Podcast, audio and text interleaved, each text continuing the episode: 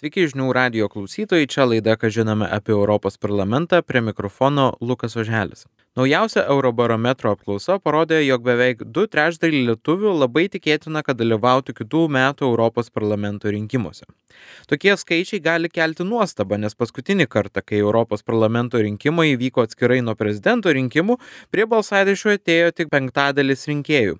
Vilniaus tarptautinių santykių ir politikos mokslo instituto profesorė Ainė Ramonaitė siūlo šių skaičių nepriimti už gryną pinigą bei pateikė kelias priežastis, kodėl apklausų skaičiai dažniausiai netitinka aktyvumo rinkimų metu. Neturėtumėm priimti už gryną pinigą, nes dėl kelių priežasčių. Visų pirma, tai yra seniai pastebėta, kad kai apklausose žmonių klausima, ar jie balsuos, arba netgi klausima jau post factum, ar jie balsavo, tai skaičiai visada būna didesni e, negu realybėje. Kodėl taip yra čia visose šalyse taip yra. Tai čia yra kelios versijos, kodėl taip yra. Viena versija, kad tiesiog žmonės nenori prisipažinti, kad nebalsavo arba nebalsuos, nes na, bendroji norma yra, kad vis dėlto pareiga yra balsuoti.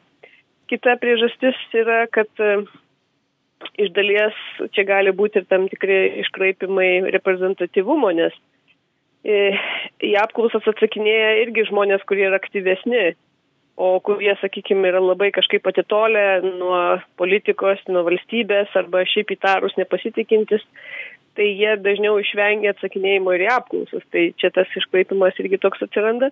O Lietuvoje dar yra viena e, priežastis, kad e, na, mes turim pakankamai nemažai Lietuvos piliečių gyvenančių užsienyje, kurie iš tikrųjų daug mažiau balsuoja, jų aktyvumas yra nepalyginamai mažesnis.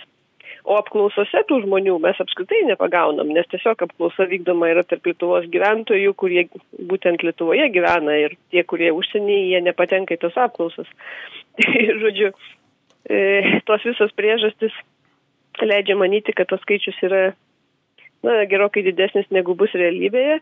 O be to aš pasižiūrėjau ten net konkrečiai, kai buvo klausta, tai ten buvo klausta iš tikrųjų dešimties balų skalėje, kokia tikimybė, kad tu balsuosi ir paskui ten išskaičiuota, kad jeigu atsakė nuo šešių balų iki dešimt balų, tai kad maždaug tikėtina, kad balsuos. Nu tai žinot, toje skalėje ten išsiskaido tie balsai ir žmonės, nu, turi tokią didelę skalę, tai sunku susigaudyti, ką čia pažymėti. Tai čia iš tikrųjų šiokia tokia metodologinė, sakyčiau, netgi problema. Reikėtų tiesiog klausti taip arba ne. Nepaisant to, Vilniaus universiteto profesorė tikisi didesnio aktyvumo nei 2009 metais, kai Europos parlamento rinkimai vyko skirtingų metų nei prezidento rinkimai. Tiesa, Ainė Romanaitė pridurė, jog aktyvumą rinkimų dieną nulems daugelis faktorių, todėl iki rinkimų likus pusiai metų aktyvumą prognozuoti tikrai sudėtinga. Galbūt iš tikrųjų tas aktyvumas bus e, didesnis negu, negu tada buvo 20 procentų, bet aišku, dar reikia neužmiršti ir nuovargio fakto, nes mes turėsim prieš tai rinkimus prezidento ir jeigu bus du turai, tarkim, tai tada Europos parlamento rinkimai jau eis po šitų dviejų turų. Tai bus tam tikras vėlgi rinkiminis nuovargis, nes tiesiog tris, tris kartus iš eilės reikės balsuoti. Tai čia, žinoma, gali šiek tiek irgi pakišti koją tą konkretį mūsų situaciją.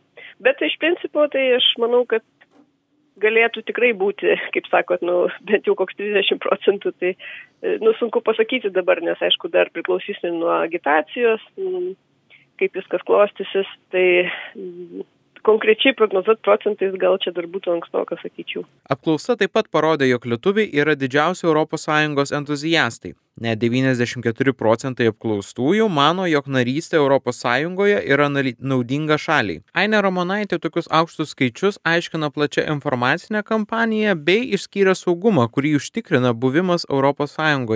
Tai matom, kad ta nauda Lietuvos gyventojų žiūrima tokia labai praktinė iš tikrųjų ir ekonomikos, ten, sakykime, kilimas darbo vietos ir ten ar subsidijos kažkokios ir žinoma visų pirma tai saugumas. Tai čia gali būti irgi, kad na, Rusijos karo prieš Ukrainą kontekste, tai visi supranta, kad iš tikrųjų tas buvimas ES kartu yra ir saugumo garantas tam tikras.